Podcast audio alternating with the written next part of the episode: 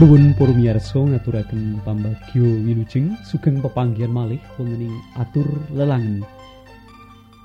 Waosan buku basa Jawi ingkang dipun produksi RB ing Ngayogyakarta. Mugi atur pisungsung menika katampyo kanthi renaning penggalih.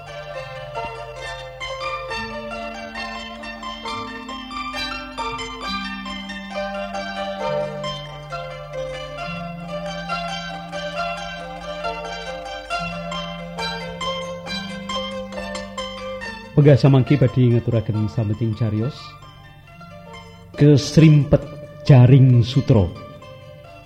Seratanipun Ardini Pangastuti. Kapedhe saking kulawarti Mekarsari. Ngaturaken seri ingkang angka sekawan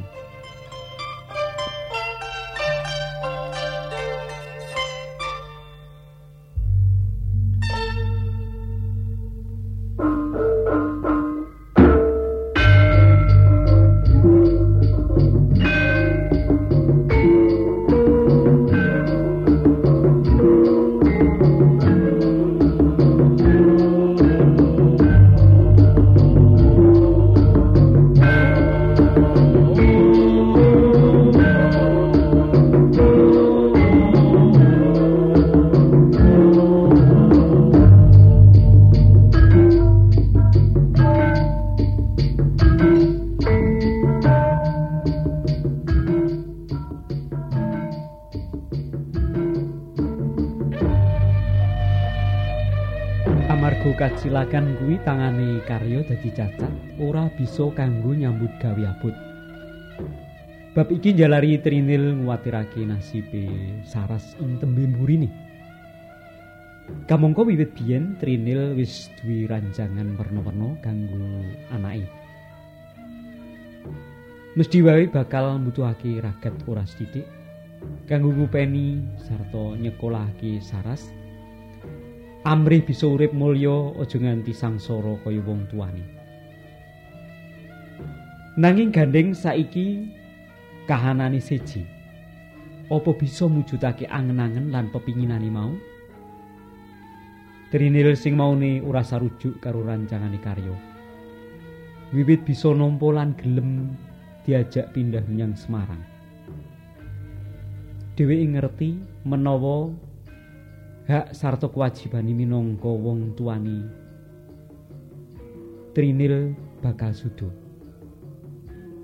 nanging yen ngelingi nasibe Saras ing besok dheweke kudu nglilani nasibe Saras diangkat anak dening Pak Heru lan Bu Mimin kanthi mengkono mestine Saras bakal luwih kopen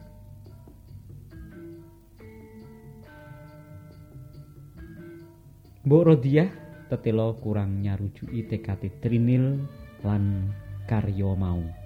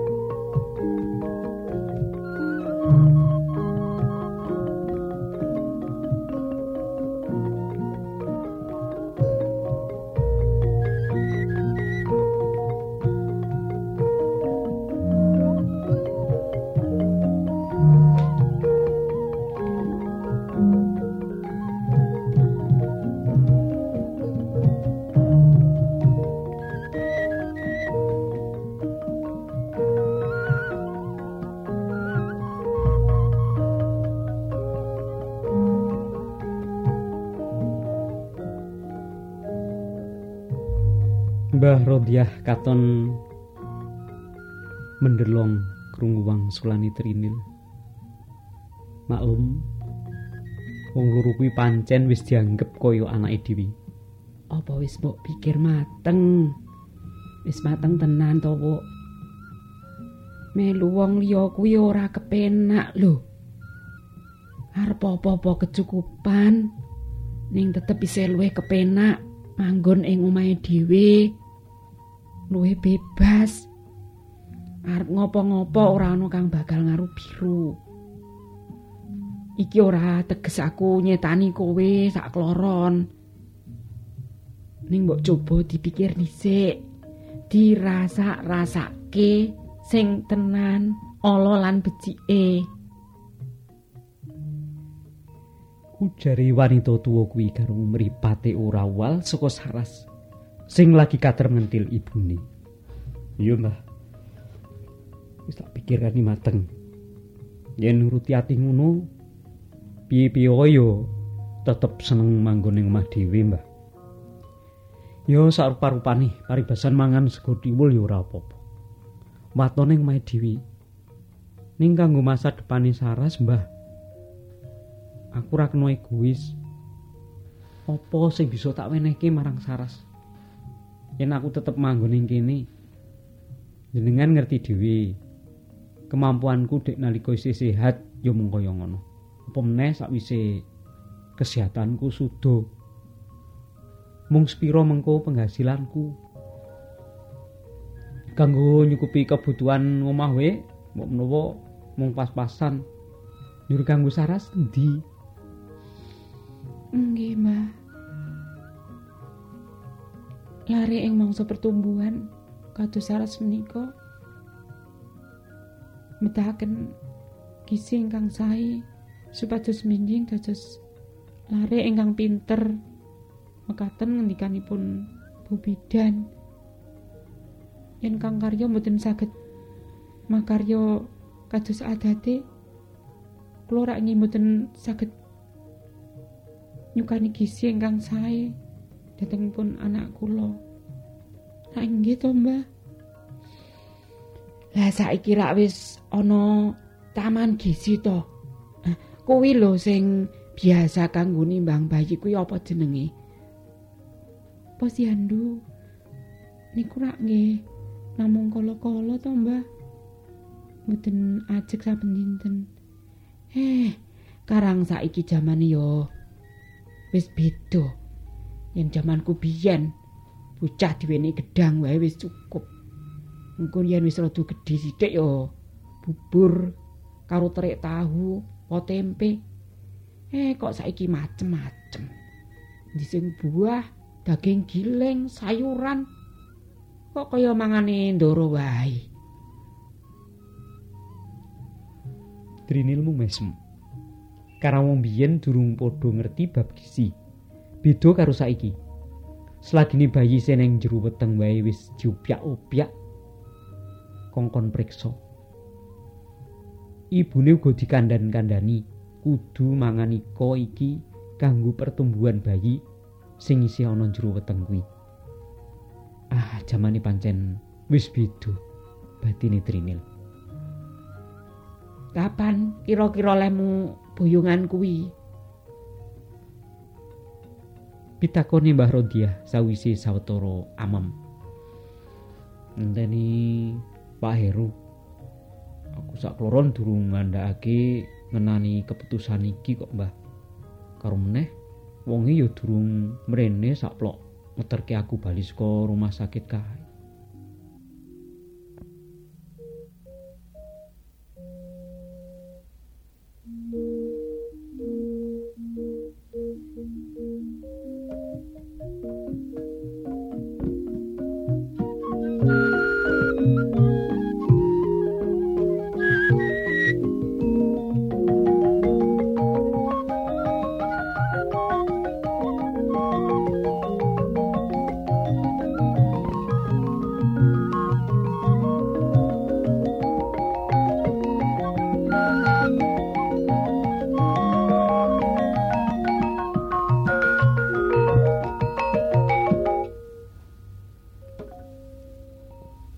Kuwi ora mung gedhi.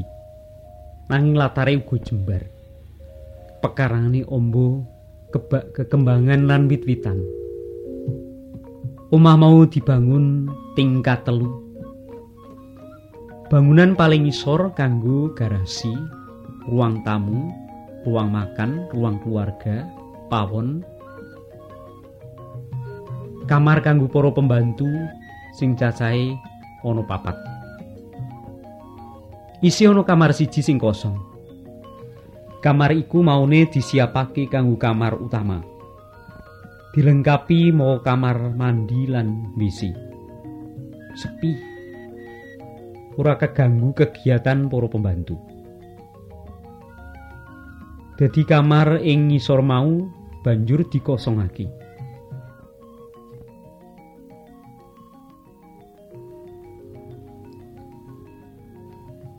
Kamar mau saiki dipanggoni Trini lan Karyo. Sakliyane tempat tiduri gedhe, ing kamar kuwi uga ditambahi box bayi. Dilengkapi mau selambu sing sakwarna karo sprayne. Abang jambu. Katon manis lan resep tinulu.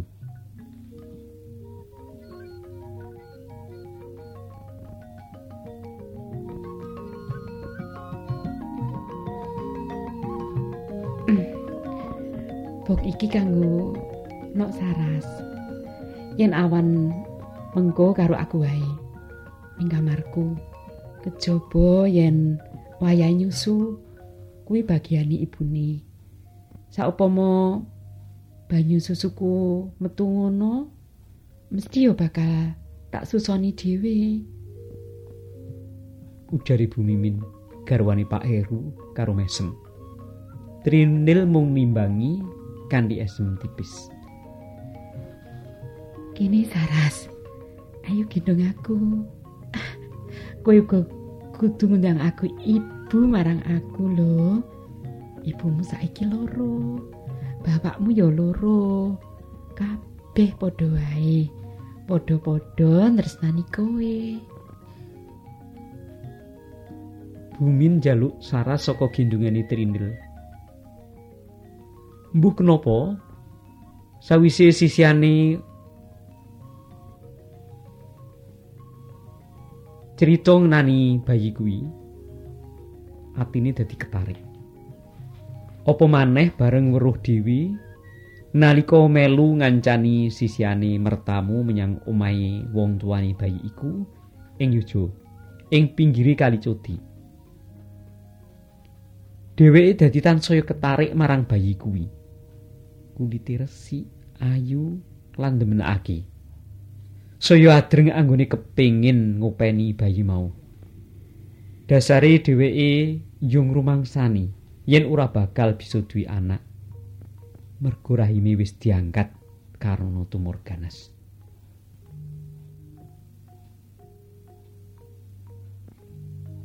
Ayo Saras. Nderek Ibu Mimin dhisik. Alo Itrinil karo nguculi gendongane. Bayi mau banjur dipasrahake marang Bu Mimin. Bu Mimin nampani bayi mau. Dipondong-pondong karo dikudang-kudang. Sayang, aduh sayang, aduh aduh ayo nih. Kene kene kene. aduh sayang. Ibu sayang pipi, sayang baduk. sayang janggut. Besok gede Saras pengen dadi apa ayo. Bayi kuwi diambungi kanthi gemes. Trinil mung ndlongop weruh kabeh mau. Ora ngira yen Bu Mimin utawa Bu Heru kuwi sayang tenan marang anake.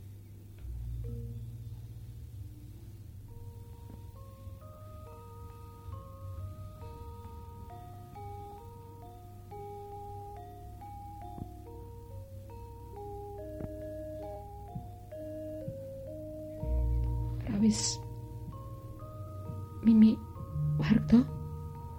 Wis kono yen kepingin ngaso-ngaso yo ngaso rasa sungkan-sungkan rasa riku ana kene. Anggap bae kaya ning omahmu dhewe. Yen butuhke apa-apa jeng trinil bisa obo marang para abdi ing muri ora wis tak tepung-tepungake to. Sing tuwa kae mbok sum. Sing rambuté kriting kae kentik. Sing paling nom dhewe rambut dawa sak bokong kae Robiah sijine meneh Markona. Markona durung suwe melu ing kene. Lagi rong minggunan. Eh Jeng Trinil, lak ya wis apal to? Saras tak jake munggah ya. Bubar kondo kaya mengkono iku, Bu Mimin banjur metu ninggalake kamar. Trinil nguntapake saka ngarep lawang. Ditutake nganggo meripati. Bu Mimin sing wiwit ngunggahi trundakan. Munggah menyang loteng. Sawisi wanita iku ora katon bokongi. Dheweke lagi mlebu kamar. Awake diburukake ing kasur. Ripate kelap-kelop nyawang pian.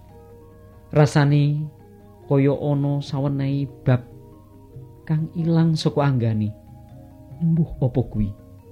Mbok menawa mergo dheweke durung kulino pisah karo anake.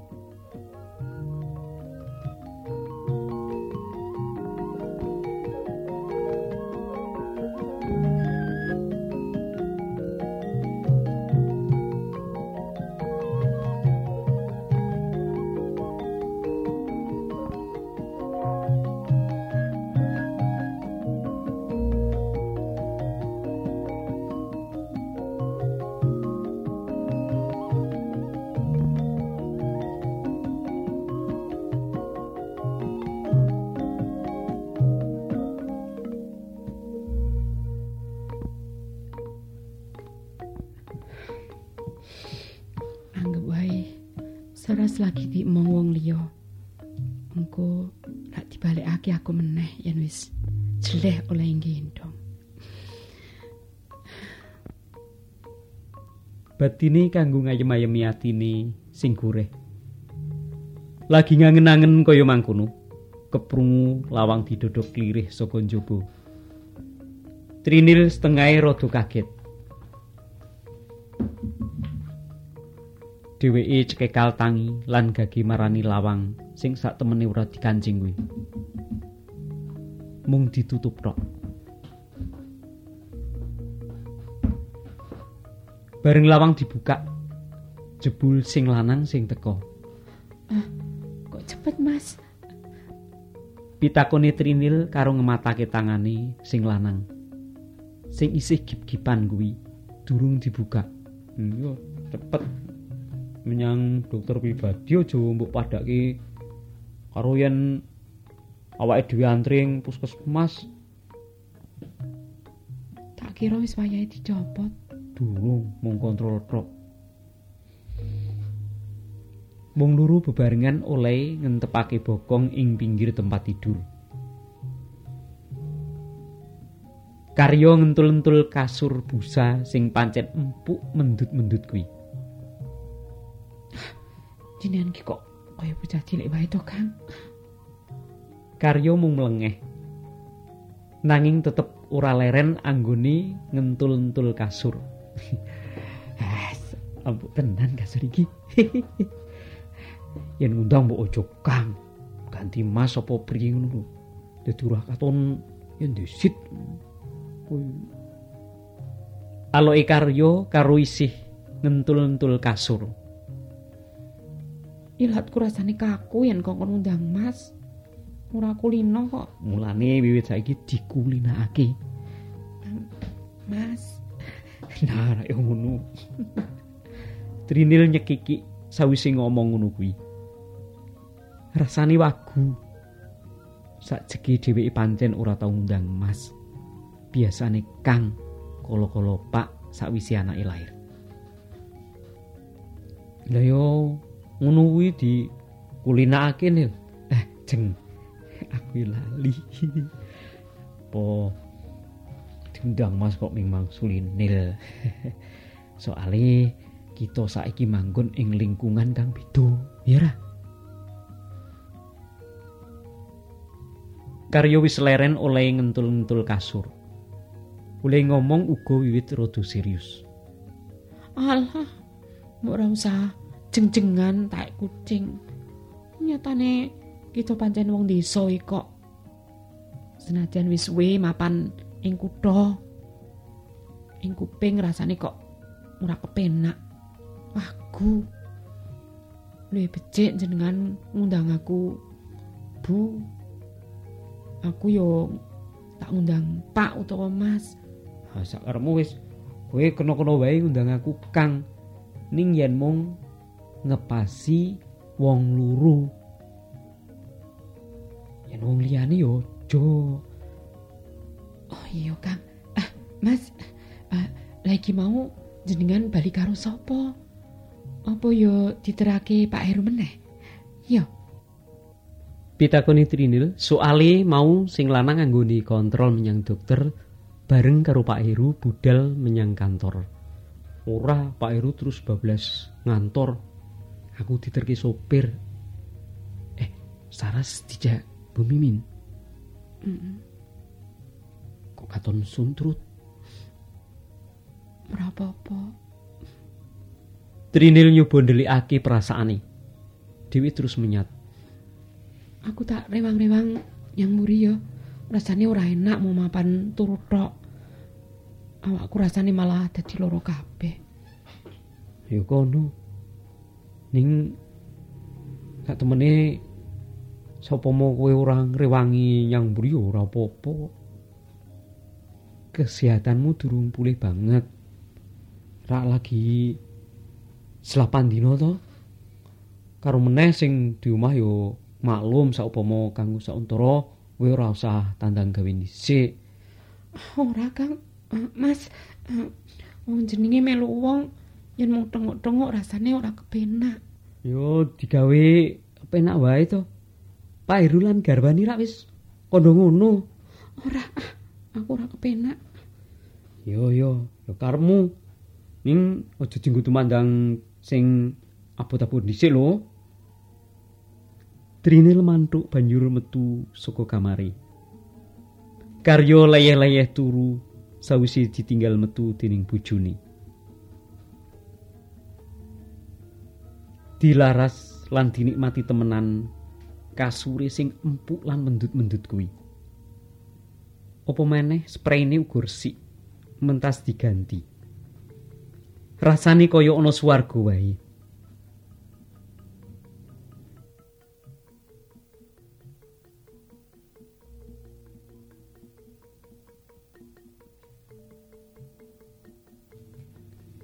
Nyawang apa-apa sarwa resik, sarwa tumata. Prabot sing ana kamar kono uga apik lan komplit. Ana lemari pakaian, meja rias kanggo bojone. Senajan bojone ora seneng macak.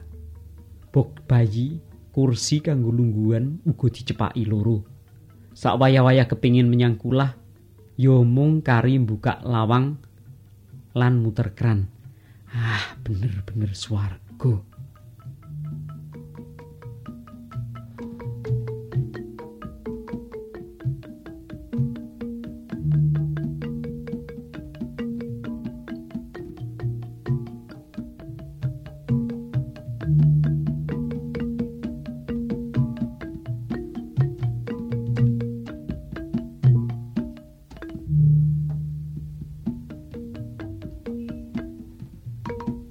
Yen ditanding karo kahanane dek nalika isih ana yujo. Pancen ya kaya bumi karo langit. Aduh banget jumplangi.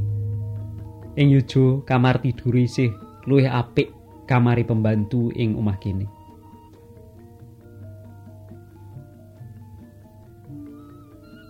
Sumure siji dinggo patang keluarga. Senajan dheweke duwe kulah dhewe nemplek ing mburi pawon. Nanging banyune ya kudu ngangsu dhisik saka sumur.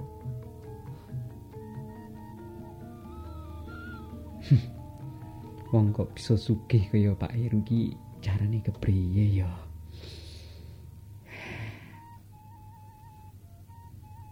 Batine karyo karo mripate ketap-ketip nyawang pian. Bondo iku mung barang titipan. Titipan saka pangeran kang murbing dumadi. Kuwi ora perlu meri karya. Yen pangeran ngersakake kuwi sugih, kuwi yo bisa sugih. Nanging wong sugih kuwi tanggung jawab ora enteng. Yen ora kuat malah ndrawasi. Ana swara ngumandang ing jero dadani. Swara atine kang paling jero.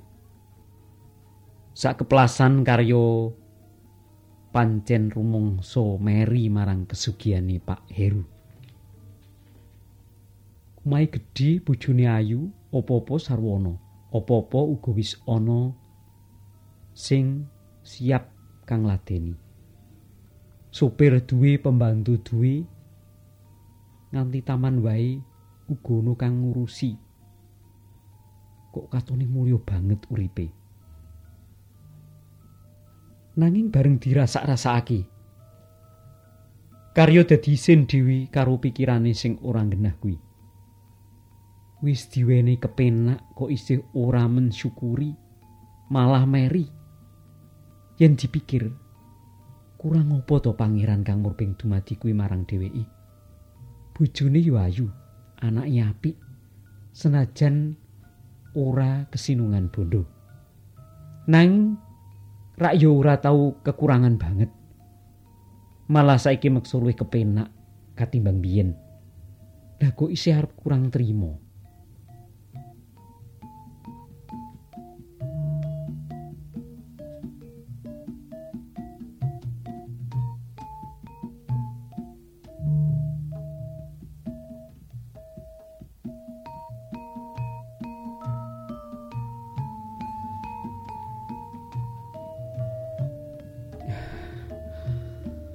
Gusti, kula nyuwun ngapura. Mugi katebih pikiran kula saking bab-bab ingkang boten sae menika.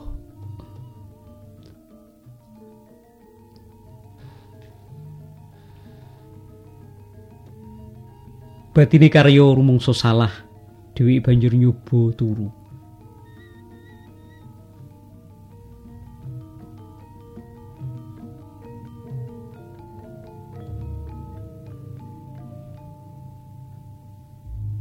Karya pancen keturun tenan. Dheweke tangi mergo digugah dening Trinil. Mas, Mas. Trinil belajar ngulinakake ngucapake tembung Mas. Karyo tangi kanthi gragapan. Jam pira to iki? Jam loro. Kae wis dinteni Pak Heru sekalian ing meja mangan. Karyo ora langsung tangi. Kelap-kelop dhisik nyawangi pian. Loh Mas, kake wis dinteni lho. Aku jane aras-arasen yen kudu mangan bareng kaya iki. Ora kepenak. Rikuh. Kurang bebas. Aku luwih seneng yen bisa mangan dhewe. Kaya dek nalika isih ana yuda biyen. Aloke karya karo tangi. Trinil maklum. Dheweke dhewe sak temene uga ora kepenak melu mangan bareng kaya iki. Ora bisa sak kepenake. Kudu ngimbangi karo pakulinane sing duwe omah. Sing sopan, sing kebak tata krama. Apa-apa ana aturane dhewe. Mangan sinduke ora kena kemlonteng. Mamah panganane ya ora kena kumecap. Wis pokoke kabeh sarwa kebak aturan. Jan nyiksa tenan. Nanging dheweke apa dene bojone ora bisa nulak acara mangan bareng kuwi. Mergo ing kono dhewe isih lagi telung dina. Isih kaya dini tamu. Senajan pangreng kuwe sing duwe omah kuwi dini marang keluarga.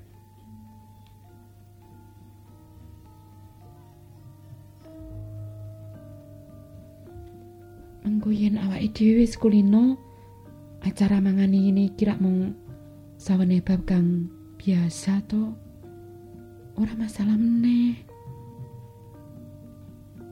Panglipure Trinil marang sing lanang nanging satemene tembung-tembung mau luwih ditujokake marang awake dhewe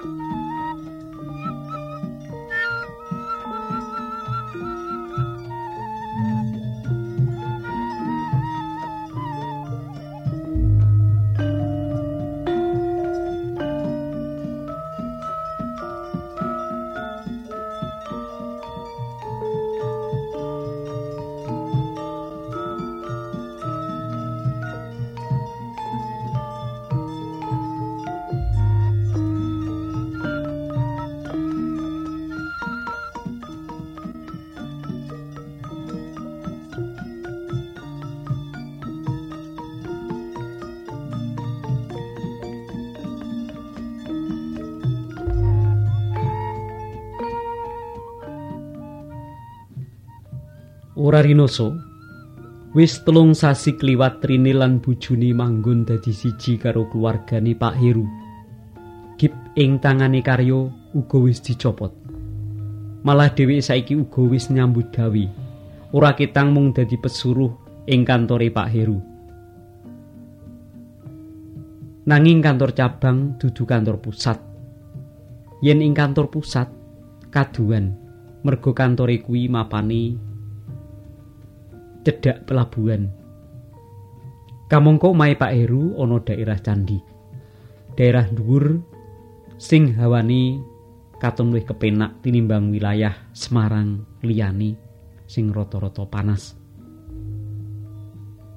Saliyane kuwi yen kerja ing kantor pusat uga rikuh karo Pak Heru.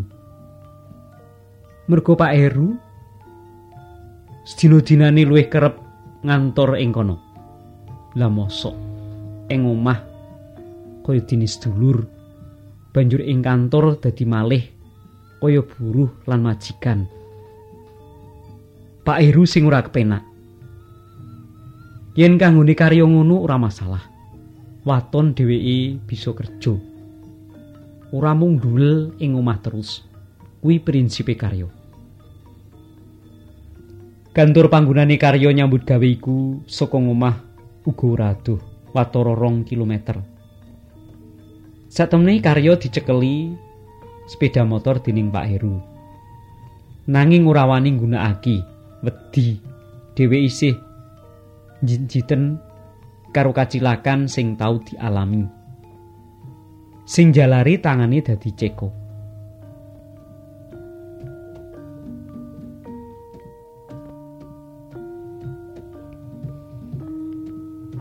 Ora apa-apa dikarya. Sepeda motor kuwi luwih kepenak dikendhaleni tinimbang sepeda ontel. Aloe Pak Heru ing sawijining sore sawise ngerti karya ora tau gelem gunakake sepeda motor kuwi. Wah, mboten mawon, Pak. Kula tasih ajrih, Ji. Yen sampeyan tansah wedi, salawase sampeyan mengko yo ora bakal wani. Apa sampeyan ora kepingin boncengake jeng Trinil puter-puter kuda utawa nonton kaendhane kuda Semarang? Pisan-pisan jeng Trinil mestine lak yo kepingin metu to. Ora mung ing omah terus. Kaya aku utawa supirku. Jane yo bisa-bisa wae ngeterke metu. Ning rak luwih kepenak yen metu wong loro. Luwih romantis di karya, ya ora.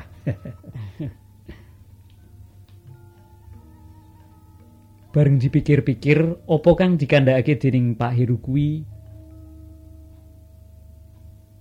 rasane kok yo bener. Dheweke mbayangake Trinil nganggo celana jin ngetapel ing buncingan. Wong loro puter-puter nonton keindahane kutha Semarang. Kepriye rasane bisa mbuncingake bojo kaya iku batine. Priye Dik Karyo? Ora kepengin mbuncingake Jeng Trinil puter-puter kutha?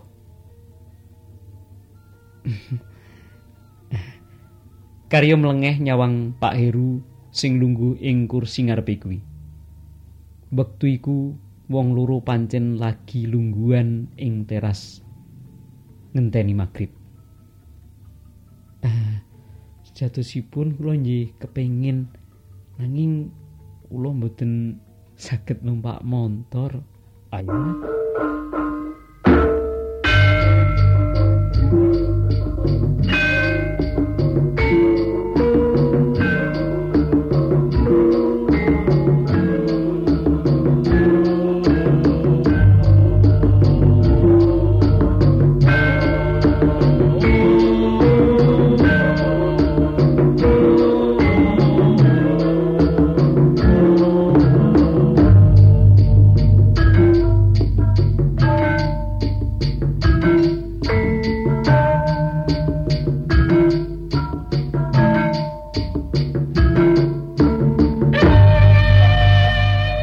Purmirsa kados pundi menggah sambeting cariyos kesrimpet jaring sutra.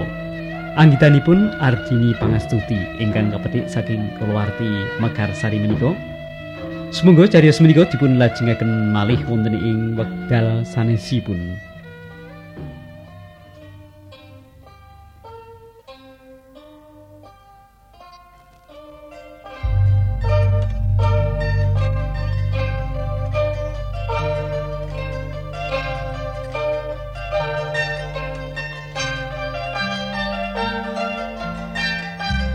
Cekap semanten atur lelangen waosan buku basa Jawi ingkang dipun produksi RB ing Ngayogyakarta.